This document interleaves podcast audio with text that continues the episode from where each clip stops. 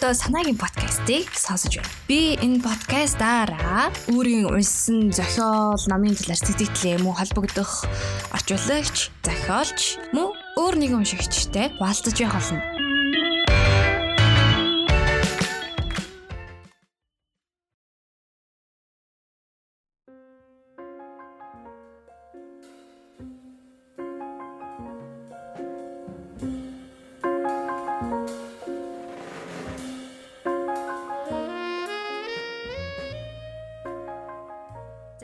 Байцгаана уу? Ингээд санаагийн подкастын маань ээлж дугаар та бүхэндээ нэлээд хэсэг хугацаа хүлээлгэсний эзэст хүрж байна. А өнгөрсөн өдрүүдэд бол нэлээд завгүй өдрүүд өнгөрлөө.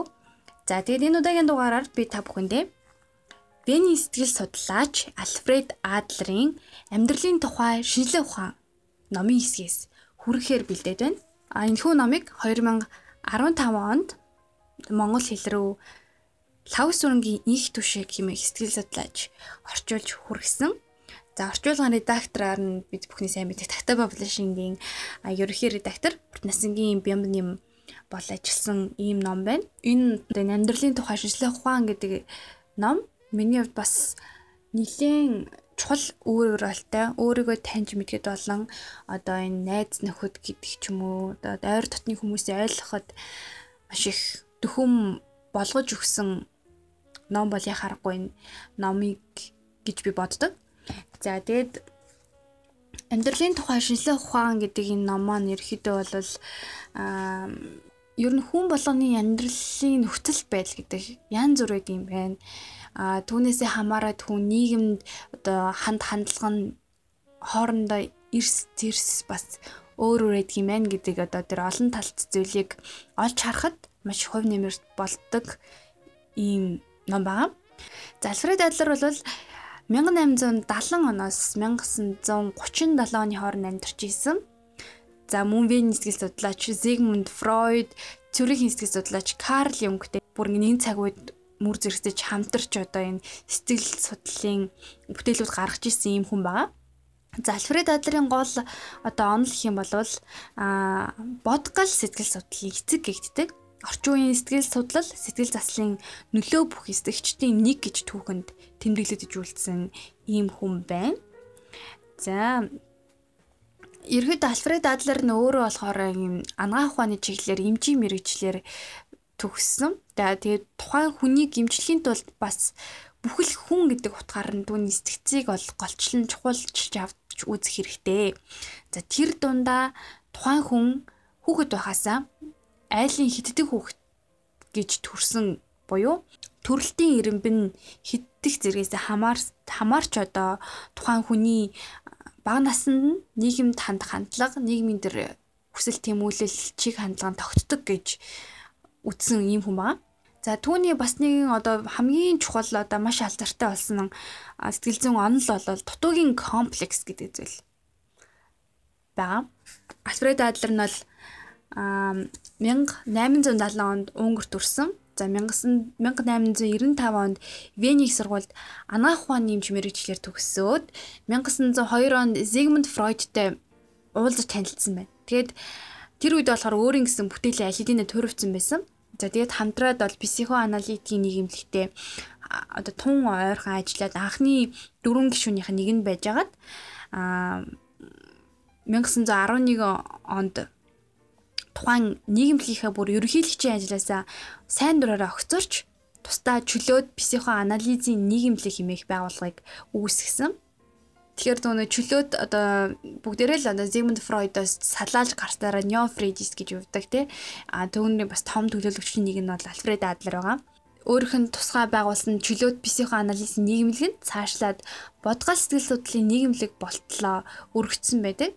Төрүүн дурдчихсэн төрөлтийн нэрэн буюу айлын хиддэх хүүхдээс шалтгаалсан тэр онлын хувьд юм бол Альфред Адлер өөрөө болохоор автагаа илүү ойр татн үссэн. За Юурээс аавынхаа хамгийн хайртай хүн байсан ирнэ ээжтэй гадуур хагддаг байсан тухайг бол дурсан битсэн байдаг. Баансанда туна муутай амьсгалын бактери өвчтэй ядруухан хүүхэд байсан бөгөөд одоо түүний дүүгийнх нь өхөл Адлерт маш хүчтэй тийм цочрол сэтгэл үлдээж исэн байдаг. За тэгээ өөрөө ч гэсэндээ хидэд удаа ингээд үхлийн аюулаас арай хийж мултраад амьдралын одоо тэр хатуу бэрхийн эсрэг хар багасаа тэмцэлдэж эхэлсэн байна л да. Өөрөө ээжтэй багасаа гадуурхагддаг байсан гэдгийнхаа дагуу ээжтэйгээ хэцүү харилцаатай байсны улмаас насанд хүрээд хэцүү эмгтээчүүдэд татагддаг. Хэцүү эмгтээчүүдийн төлөө их мэрийдэг ийм болсон байдаг гэдэг. Тэгээ Адлер өөрөө болохоор тийм гал цогтой, хэрсүү, ухаантай, тийм феминист эмэгтэйтэй гэрэлсэн.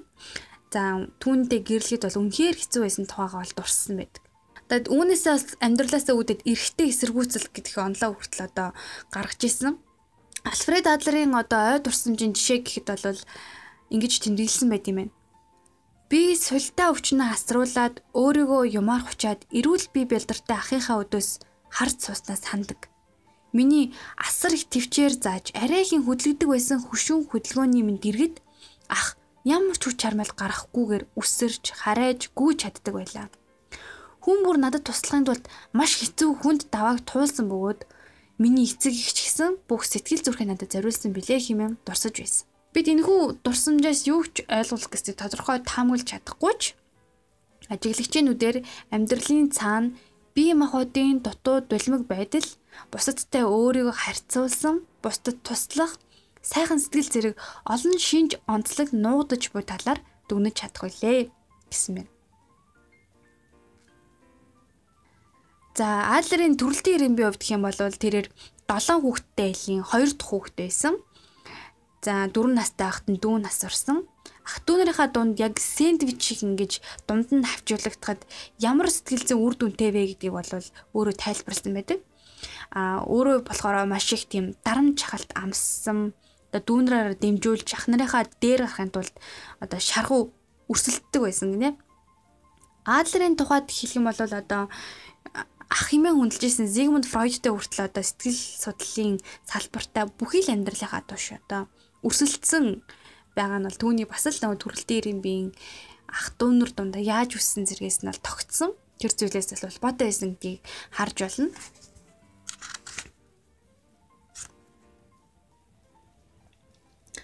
Тэгэхээр юуны өмнө бол бид нар одоо товчхондоо хэлэх юм бол үндсэн жижиг ойлголт бол дутуугийн мэдрэмж гэдэг зүйл байгаа. Хүүхэд гэр бүл даах төрөөд нийлх багасаа бүх юмыг одоо зохицуулж чаддаг томчуудын дунд өсдөг. За тухайн тэр насанд хүрсэн хүмүүс өөрт нь яг яаж хандж гин гэдэг зэрэгсээ тухайн хүүхэд нийгэмд хандах хандлага, нийгмийн сонирхол нь бол дөнгөж 4 юм уу 5 нас хүртлээл тогтоод үлдчихдэг. За энэ цагаас л хүүхдэд одоо нийгмийн сонирхлыг хөгжүүлэхгүй юм бол одоо насанд хүрээд ч гэсэндээ яг тэр байдлаараа тогтох маш бүрэн үндсэлтэй гэж үзсэн. Ерөнхийдөө саяны дурдсан дээр дутуугийн комплекс, давуу байдлын комплекс гэсэн нэр томьёонууд нийгэмд үл тассан зохицлын дараагийн байдал буюу хүндэрсэн төвшнийг бол илтгэдэг. Эдгээр комплексууд удамшил эсвэл цусны эргэлттэй ямар ч холбоогүй харин нийгмийн хүрээлэл болон хувь хүний хоорондын харилцаанд энгийн байдлаар үзэгддэг. Ерөнхийдөө бол энэ төр дутуугийн мэдрэмж гэдэг зүйлийг хүн өөрийнхөө тэр авиас чадвар бүтээлчин чанараа илүү даван туулдаг гэж үздэг. А ямар нэгэн байдлаар тэрийг одоо нэг комплекс болгоцсон зөндөө олон тохиолдлууд байдгийг бол энэ номн дээрээс уншиж болно. Гэхдээ мэдээж сэтгэл судлалын ном учраас уран зохиолын номоос мэдээж ялгаатай. Тэгээ сэтгэл судлал бол ингээл өгүүлбэр болгоно нь шинж тэмдэг ингээд дараалттай учраас одоо энэхүү подкастын дугаараар энэ номыг бүхэлд нь ойлгоод авчна гэдэг бол боломжгүй зүйл болоод байгаа юм л та. За сүүлийн үед бол манай монголчууд нэлээд одоо ялангуяа эсгэл зүйчдийн нийтлэлүүдээр харагдахад бол дутуугийн комплекс гэдэг зүйлийг одоо илүү түлхүү хэрэгэлсэн хүмүүс ч гэсэндээ ямар нэгэн байдлаар дутуугийн комплекс гэдэг нэр тэмдгийг баг зэрэг ойлгодог болсон харагдсан.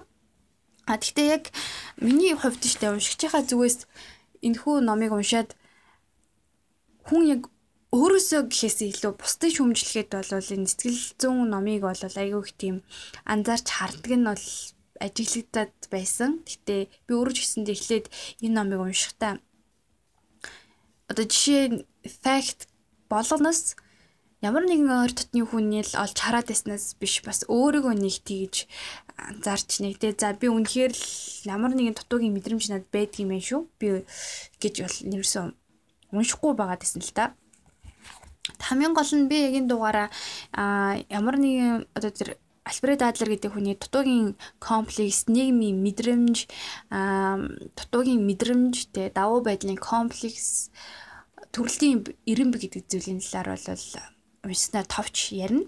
А тэгээ мэдээж бүхэл ном гэдэг утга учраас тэр дундаа сэтгэл судлалын ном учраас бүгдийг нь ярина гэдэг бол мэдээж боломжгүй зүйл. Дээрэс нь манай орчуулагч өөрөө хэлчихсэн энэ номыг дөрвөн удаа уншиж ойлгох юм а гэж Тийм болохоор а энэ дугаараа би хамгийн гол нь хүмүүс маш олон нөхцөл маш олон өөр өөр нөхцөлд одоо өсөж ториндог бүгдээрээ л адилхан нэгэн цагт хүүхэд байдаг. За тэгээд насанд хүрнэ гэдэг бол ерөөсөө тэр бага насны дурсамж одоо хүмүүс томчууд тэр хүүхдэд яаж хандж ийснээс шууд хамааралтай байдаг гэдэг талаар тэгээд хүн хоорондоо бас өөр өөр учраас заримдаа үйл ойлголцол гардаг өөр өөр учраас бас нэгэндээ татагддаг гэдэг одоо тэр зүйл дээр л одоо нэнийг илүү ойлгох тал руу чиглүүлэхийн тулд энэ удаагийн дугаартаа 11 дугаар бүлгийн хэсэг буюу дотн харилцаа гэдэг сэдвийн хэсгээс уншихаар бол бэлдээдээ.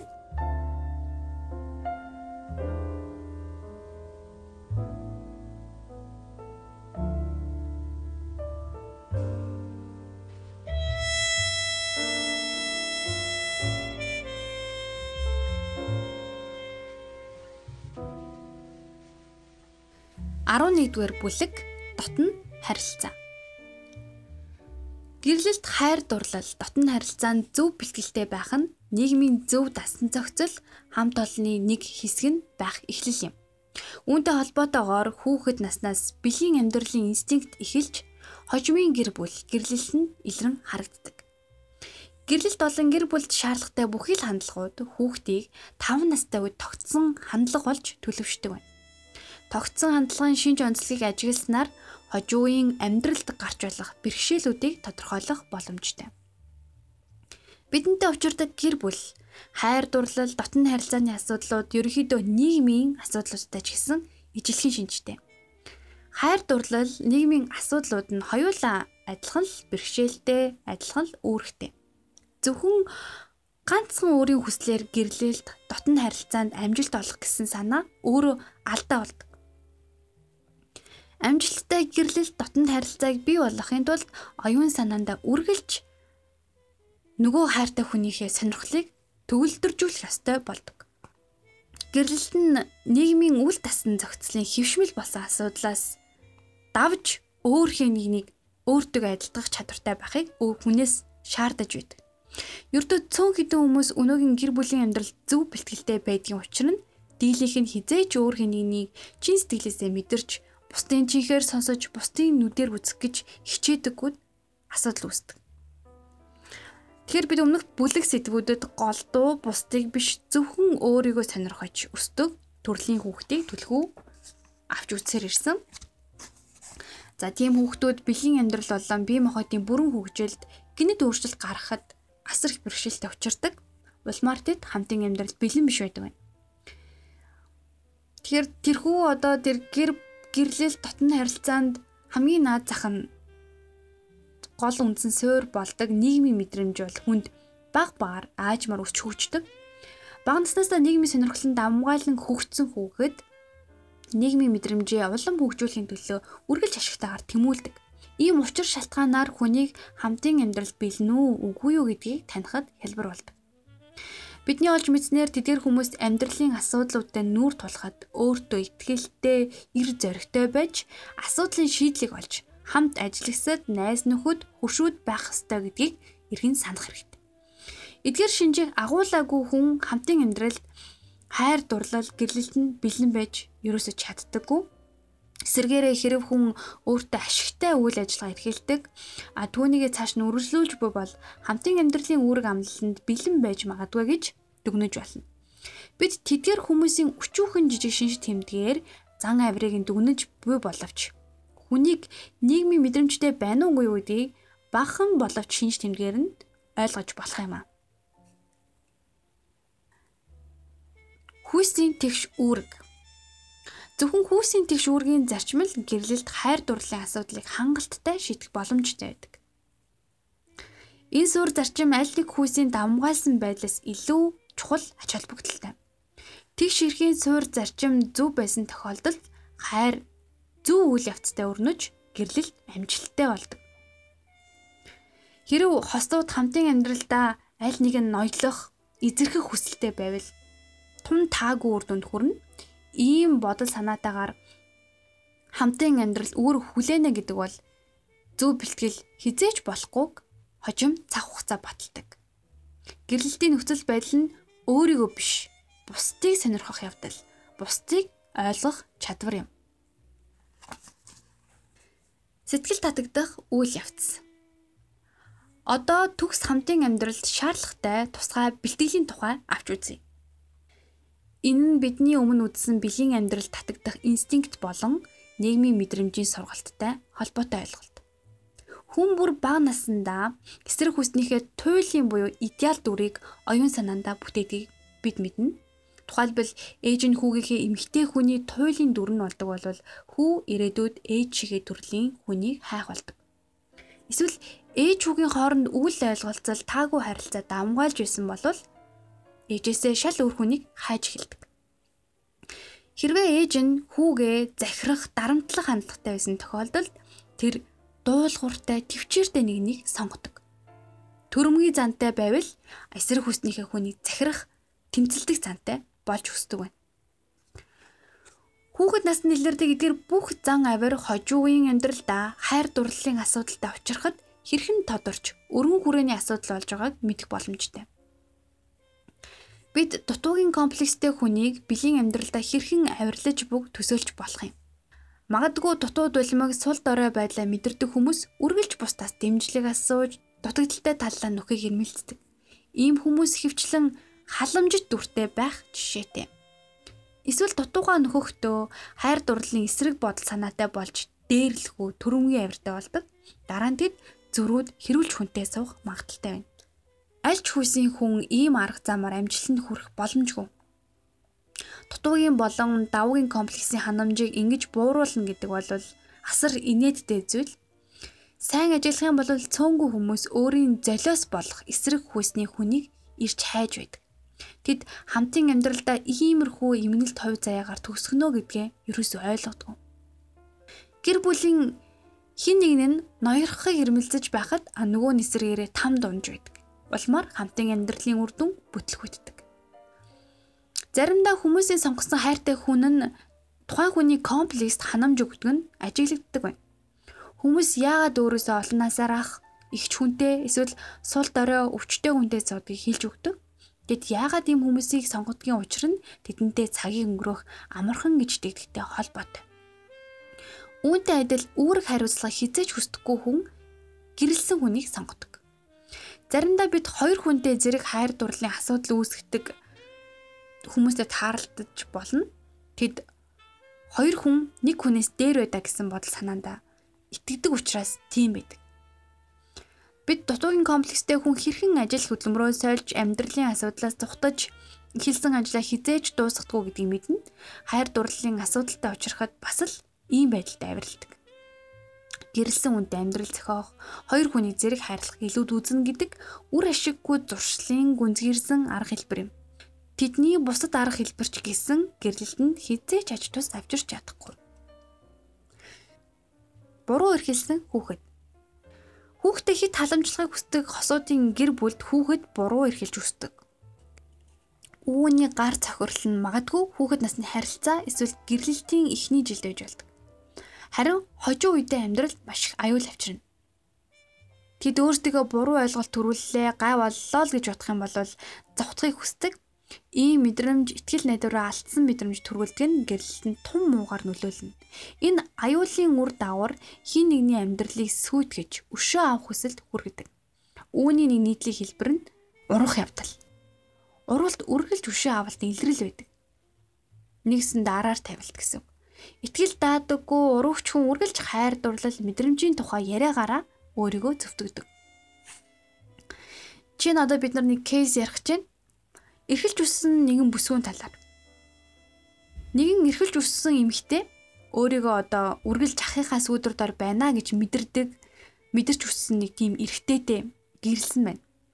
Нөхөр нь түүний айдуу зөөлөн хүлцэнгүй байдалд нь татагдчих. Эхнэр нь айлын ганц хүүхэд учраас үргэлж олны хайрыг булаасан анхаарлын төвд орно гэж найддаг байлаа. Гэрлэлт хүүхэд гарах хүртлээр үнэхээр аз жаргалтай байсан байна. Би дараа нь юу болохыг магадгүй таамаглаж болно. Эхнэр өнөө хүртэл анхаарлын төвд багтахыг хүссээр байсан учраас Хүүхэд түүний байр сурыг эзлэхээс имэж болмоор тимч таатай бус сэтгэлдэлтэй үлдэнэ. Үүний үр дүнд ихнэр хүүхдэд хартахад хүрнэ. Тэд хүүхдээ мэдээж орохгүй боловч сайн эцэг ихэвээр үлдэх боловч би бинэ хайрлах найдвар нь багасдаг. Ийм хардалт аюулт хүргэнэ. Учир нь нэг нь нөгөөгийнхөө үйлдэл үг бүрийг цэгнэж эхлэх юм бол хайр сэтгэлээсээ урууж байгаагийн илэрлэл гэсэн үг. Эхнэр нь төрснийхөө дараа арай хин тэнхэл авчээ. Хүүхдээ харж байхад түүний нөхөр өөрийгөө зугаацуулахаар Парис руу амралтаар явсан байна. Эхнэртэй Парист янз бүрийн хүмүүстэй танилцаж цагийг зугаатай өнгөрүүлж ихэд сэтгэл ханамжтай байгаа талаараа захиа бичиж явуулсан байна. Эхнэрт нь харин хаягдсан мэдрэмж төрж сэтгэл гутралд орж төдөөдөлгүй агрофобия буюу орон зайнаас айх улигт айдас өчнөр шаналх болжээ. Тэр ганцаараа хаашаач гарч чадахгүй болж. Нөхөр нь буцаж ирснийхэн дараа хаач одоо нөхрийгөө дагуулж авдаг дагуул болгосон байна. Эндээс эмхтэй одоо зоригтой хүрсэн анхаарлын төвд орсон мэд санагдана. Гэхдээ тэрээр улигт айдас байхгүй бол нөхөр нь байхгүй болно гэдгийг мэдэрснээр түүнийг иргэшээлтэд оруулж өөрөө анхаарлын төвд багтахын тулд улигт айдсан шаналлыг зориуд үргэлжлүүлсээр байна бүсгүй нөхрөөсөө өшөөгөө авахын тулд өөр бусад ирчүүдтэй холбогдож байна гэсэн фантаз бодолд автаж элдв төрлийн санаа зохиож эхэлнэ. Гэвч үнэн эрэхтэй тэрээр ганцаараа явахаас айдаг агрофоби өвчтэй биш. Харин нөхөртөө итгэлгүй байгаагийн сэрэмжин тэр ажээ. Зөвлөгөө санал болгох нь За бид хамтын амьдрал гэрлэлэн тохиолддог цөөнгөө алдаануудтай учирч үүнээс энэ бүхэн тийм чухал уу гэдэг асуулт уран гарч эхэлдэг. Эдгээр алдаанууд хүүхэд наснд төлөвшдөг хэдий ч тогтсон хандлагын шинж онцлогийг ухаарч мэдснээр алдаатай амьдралын хэв маягийг одоо залруулах засах боломжтой гэдгийг бид ойлгож байна. Бид заримдаа байнга салж нийлдэг, дахиад л шинэ үерхлийн харилцаанд ордог хайр дурлалын асуудалтай хүмүүстэй учирдаг. А тэд алдаагаа зүгээр л давцаар байдаг. Иймэрхүү хүмүүс тэдний хамтын амьдрал ба гэрэлтийн харилцаа амжилттай байх боломжтой эсхийг мэрэгжлийн хүнд нь хандаж одоо асах зөвлөх хэрэгтэй гэж үзсэн байна. Тэр хүүхэд наснд бол маш олон жижиг алдаа үүсдэг. Тэр нь хамтын амьдралд өөр хүлээх хүртлээ тимч чухал санагддаггүй. Тухайлбал зарим хүмүүс тэднийг ирээдүйд бүтлгүйднэ гэж байнга боддог. Эзэж жаргалтай байж үзээгүй, урам хөнгөрхөөс үргэлж яадаг байсан хүүхэд эцэг эхийн хайрыг өөр хин нэгэн булаасан гэж мэдэрдэг байна. Бид эдгээр айдас урам хугарсан сэрэмжилсэн байдлыг гэрлэлт хамтын амьдрал дах атаархал харталтаар илэрдгийг харж байна. Эмэгтэйчүүдийн хувьд юм бол голдуу эрчүүдийн зугаа төдийхнөр одоо өөрийгөө мэдэрдэг. Тэгээ эрчүүдэд хизээж итгэж болохгүй гэж ойлгодог. Энэ нь хин нэгэн хайр дурлалыг бүтэмжтэй ад шаргалтай болох боломжтой гэсэн үзлээс ялгаатай. Бодгоо сэтгэл судлал амьдралын ганц сэдвийг бусдаас дээгүүр тавьдаггүй. Одоо хэрвээ хүн одоо хайр дурлал гэрэлтийн талаар сэдвийг хитрхи их онцгойлол бусад одоо тэр бодгоо сэтгэл судлалын гол гол асуудлуудыг хайчих юм бол амьдралын одоо тэр тэнцвэрээ алдагтнаа л гэсэн үг. Бид өмнө нь амьдралын 3 чухал сэдв байдаг гэж авч утсан. Эхнийх нь амьдралын эхний өдрөөс эхэлж бусадтай хэрхэн харилцаж байна. Бидний зан үйл бусад хүмүүстэй хэрхэн нийцэж байна вэ гэдгийг авч үздэг нийгмийн сэдв. Бид эдгээр нийгмийн харилцааг маш эртнээс суралцдаг. Үүнтэй адилаар ажил хөдөлмөртөө бид ийм бэлтгэгдэх үйл явцад ордог. Багш хүн бидэнд төрөл бүрийн салбаруудыг зааж, ном юу хийхийг маань хэлж өгдөг. Гэвч ном дотн харилцаанд хэрхэн бэлдэх талаар хэлж өгдөг билүү. Маш олон агуу хайрын тухай өгүүлдэг зохиолуудтай маргах зүйл үгүй боловч ад жаргалтай гэрлэлтийн талаар бичсэн ном тун цөөхөн байдаг. Тэгэхээр хайр дурлал гэрлэлт гэдэг асуудал бол аль эртнээс л одоо хэцүү дарамт чахалтай өгдөг байсан байна.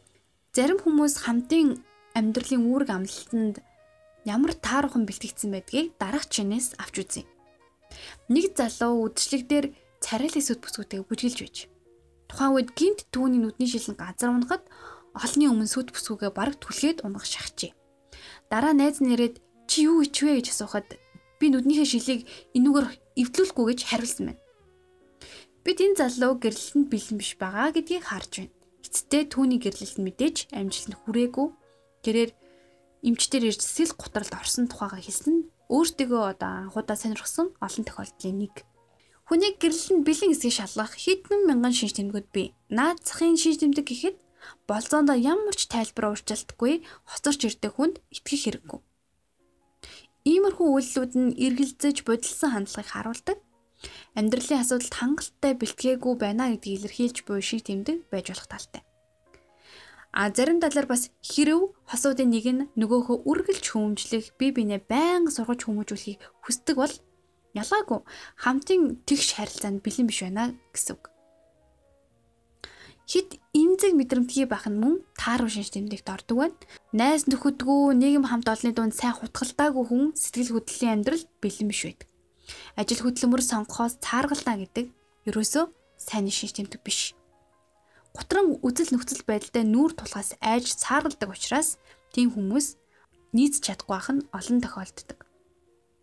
Гэхдээ маш олон аюултай шинж тэмдэг таагүй үр дүн байдаг ч гэсэндээ хүнийг зөв зам руу залах түүнийг зөв хүн болгоход бас тийм ч хэцүү гэсэн үг бол биш ээ. Ингээд бидний бүлэгтээ хамтын амьдрал, хайр дурлал, гэрлэлт асуудлыг зөвхөн сайн нийгэмжсэн хүн л шийдвэрлэх боломжтой гэдгийг дахин дахин дүгнэн хэлье.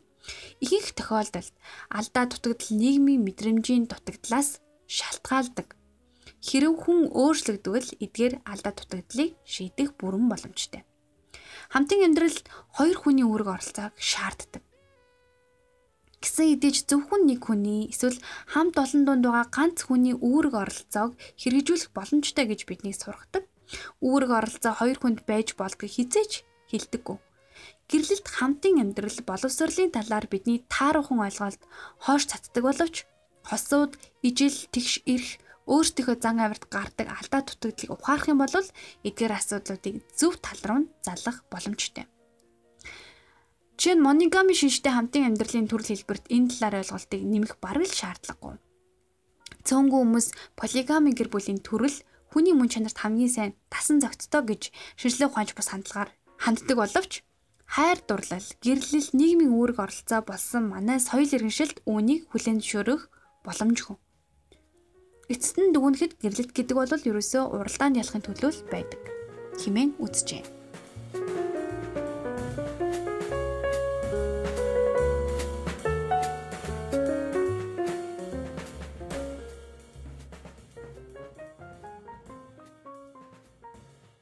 За бид сая товчхондоо Альфред Адлерийн дотн хайрцаа гэдэг зүйлийг бол ерөөхдөө авч үзсэн байдлыг нь бол ойлгосон бах одоо тэр нийгэм тогтсон хандлага те өөрт нь тогтцсон тэр хэвийн үзэгдлээс хамаарат одоо яг тэр мэдрэмжийг өгж байгаа яг тэр тасн зогтсон зүйлийг мэдрүүлж байгаа хүнийг хайр дурлалын байдлаар бол сонгодог байна. Тэгэхээр Альфред Адлерийн хувьд бол одоо нийгэмд маш чухал онолуудын гаргасан нэг бол сая дурдсан бас мэдрэлийн ядаргаа гэдэг зүйлийн тусгай бүлэгт бол авч үздэг. За магадгүй яг амьдрал дээр те бодит амьдралын хувьд гэх юм бол а магадгүй Япон орнд бол одоо ганц бие хүмүүст маш их очирсан одоо роботтай амьдардаг болсон гэдэг ч юм уу. Олон шин технологийн шин харилцааны илтер хэлбэрүүд харагдаж байна. За тэгэхээр Адлерийн дээр дотны харилцааны шиш тэмдгийг магадгүй тэр Япон хүмүүс дээр авч үзэх юм бол нэг талаар нийгмийн тасн зохицол зохицож чадахгүй нийгмийн дээр тогтон хамтын амьдралд одоо итгэлгүй ч юм уу бэлэн биш. Дээрэс нь одоо өдрийн хідэн цаг ажилтдаг болоод тэр тусам мэдрэлийн ядаргаа гэдэг зүйл бол үүсдэг. За мэдрэлийн ядаргаа үүснээс нийгмийн тасан зохицлоос холдох буюу ганцаараа байхыг хэмэлцдэг. Хүнтэй харилцаа холбоо тогтоож чаддгүй болдог. Иймэрхүү одоо сөрөг үр дагавар харагддаг юм байна. За ямар ч байсан бид нар хоолоо ингээд Альфред Адлер гэдэг хүн бол дутуугийн комплекс гэдэг зүйл манай одоогийн Монголын сэтгэл зүйчид ч гэсэндээ маш их одоо мэддэг юм шиг надад санагдчихсэн. Нэг талаараа гэх юм бол хамгийн гол нь хүн энэ алдаатай шинж тэмдэг буюу одоо хэрвээ магадгүй нийгэмд одоо хүнтэй нөхөрлөхөөс эхлээл хамт олон донд байхад ямар нэгэн байдлаар ямар нэгэн зүйл болохгүй байвал бидний өөрсдөд маань алдаатай хандлага байх вэ гэдгийг хүн хамгийн гол нь өөрөө дотроос ухамсарлах хэрэгтэй юм болов. А тэрнээс биш одоо Альфред Адлерийн номыг аваад ч юм уу ямар нэгэн сэтгэл зүйн номыг авангуудаа нэг тодорхойлт уншсанаа хин нэгэн дээр очиод чи дутуугийн комплекстэй чи ингэж байгаа учраас ингэж байгаа маа гэдэг зүйлийг хэлэх нь Гитлер надад айгу бүдүүлэг зүйл юм шиг санагддаг. Хамгийн гол нь тэр хүн өөрөө нийгмийн асар их одоо нэг дасан зохицлыг одоо мэдрэхийг хүсэж байгаа боловч ямар нэгэн зүйл болохгүй байгааг мэдэрхийлэх юм бол сэтгэл судлалын намаас өөрийнхөө тэр тогтсон хандлагыг бол сориод шинжээд үзэхэд бол гимгүү. Яагаад магадгүй энэ дэр одоо анхны хайр бүтлгүүдэд гэдэг магадгүй шалтгаан тэр үеж магадгүй. Бид нар бүгдээрээ л нөгөө нэг хайр хайр дурлалыг хүсдэг. Тэр нь нэгсэндээ бол нийгмийн тэр тасан зохицол руу тэмүүлж байна гэсэн. А гэтэл өөрийнх нь тогтсон хандлага нь алдаатай гэдгийг юусаа хумсралдаг. Тэгэл хамаг инерс хүчээрээ магадгүй буруу хандлагууд илэрхийлждэг. Тэгээд хайр дурлал бүтлгүүддэг. Анхны дэр нөгөө нэг нийгмийн дэр тасн зохицолтэй хайр дурлал руу тэмүүлсэн нь бүтлгүүд хэрхэн аяг хуналтанд ордог. Тэгээд ундланд орсон хугацаанд би юу хийчихвэ те би юу юун дээр алдчихв. Яг бидний харилцаа бит хоёрын харилцаа яагаад бусдах шиг болсонгүй вэ? Юунд алдчих гэдгийг дээр хүн хувь хүн өөрөө маш их зүйлийг эргцүүлдэг юм шиг тийм нийтлэг нийтлэг жишээ харагддаг. Алдаатай хандлагатай хин нэг хайрлаж чадахгүй ч юм хин нэг итгэж чадахгүй байгаа нь танд өөр ингэсэн нөөцсөн шалтгаан байгаа л гэсэн. Харин та дэрийг анзаарч мэрийжтэй баг багаар хичээх юм бол өөрчлөгдөх үнэхээр хичээл боломжтой. Гэхдээ бага наснд үүссэн зүйл учраас баг зэргийн хүндрэл бол гарч байгааг үүсэхгүй юм байна. Төсөөлний хэлэхэд ямар ч тач бид нар одоо бүгдээрээ адилхан хүн бүгдээрээ л адилхан харилцааны ямар нэгэн алдаа бид нар байдаг. Тийм учраас бид нар одоо хэнийг нэг хүссэн хүсээгүй гомдоочдөг. Хин хинд одоо хүссэн хүсээгүй гомддог. Иймэрхүү одоо харилцааны байнга тэр одоо урвалд оролцож идэг учраас Магадгүй энэ харилцааны талаарх, өөрийнхөө талаарх сэтгэл судлалын номуудыг сонирхоод үзэх юм бол өөрийнхөө мэдгүй зүйлийг анзаарч магадгүй одоо ойр дотныхоо найз нөхөд гэдэг ч юм уу те гэр бүлийнхаа гишүүдийг тус бүрчлэн ойлгох ойлгоход нэмэр болов гэж бодож байна. Ингээд энэхүү дугаарыг маань сонсон сонсогч нартаа маш их баярлалаа гэдгийг хэлмээр байна. Уран мөч дэмжиж байгаа хүмүүстээ бас маш их баярлалаа. Ингээд дараагийн дугаар хүртэл түр баяртай.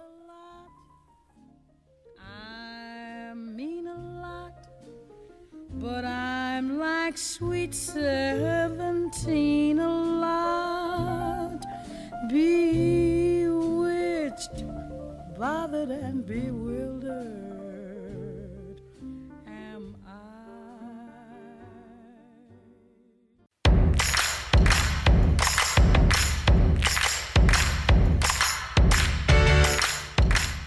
Яг одоо санаагийн подкастыг сонсож байна. Би энэ подкастаараа өөрийн уншсан зохиол, номын талаар сэтгэлээ мөн холбогдох орчуулагч, зохиолч мөн өөр нэгэн уншигчтай хуваалцаж явах болно.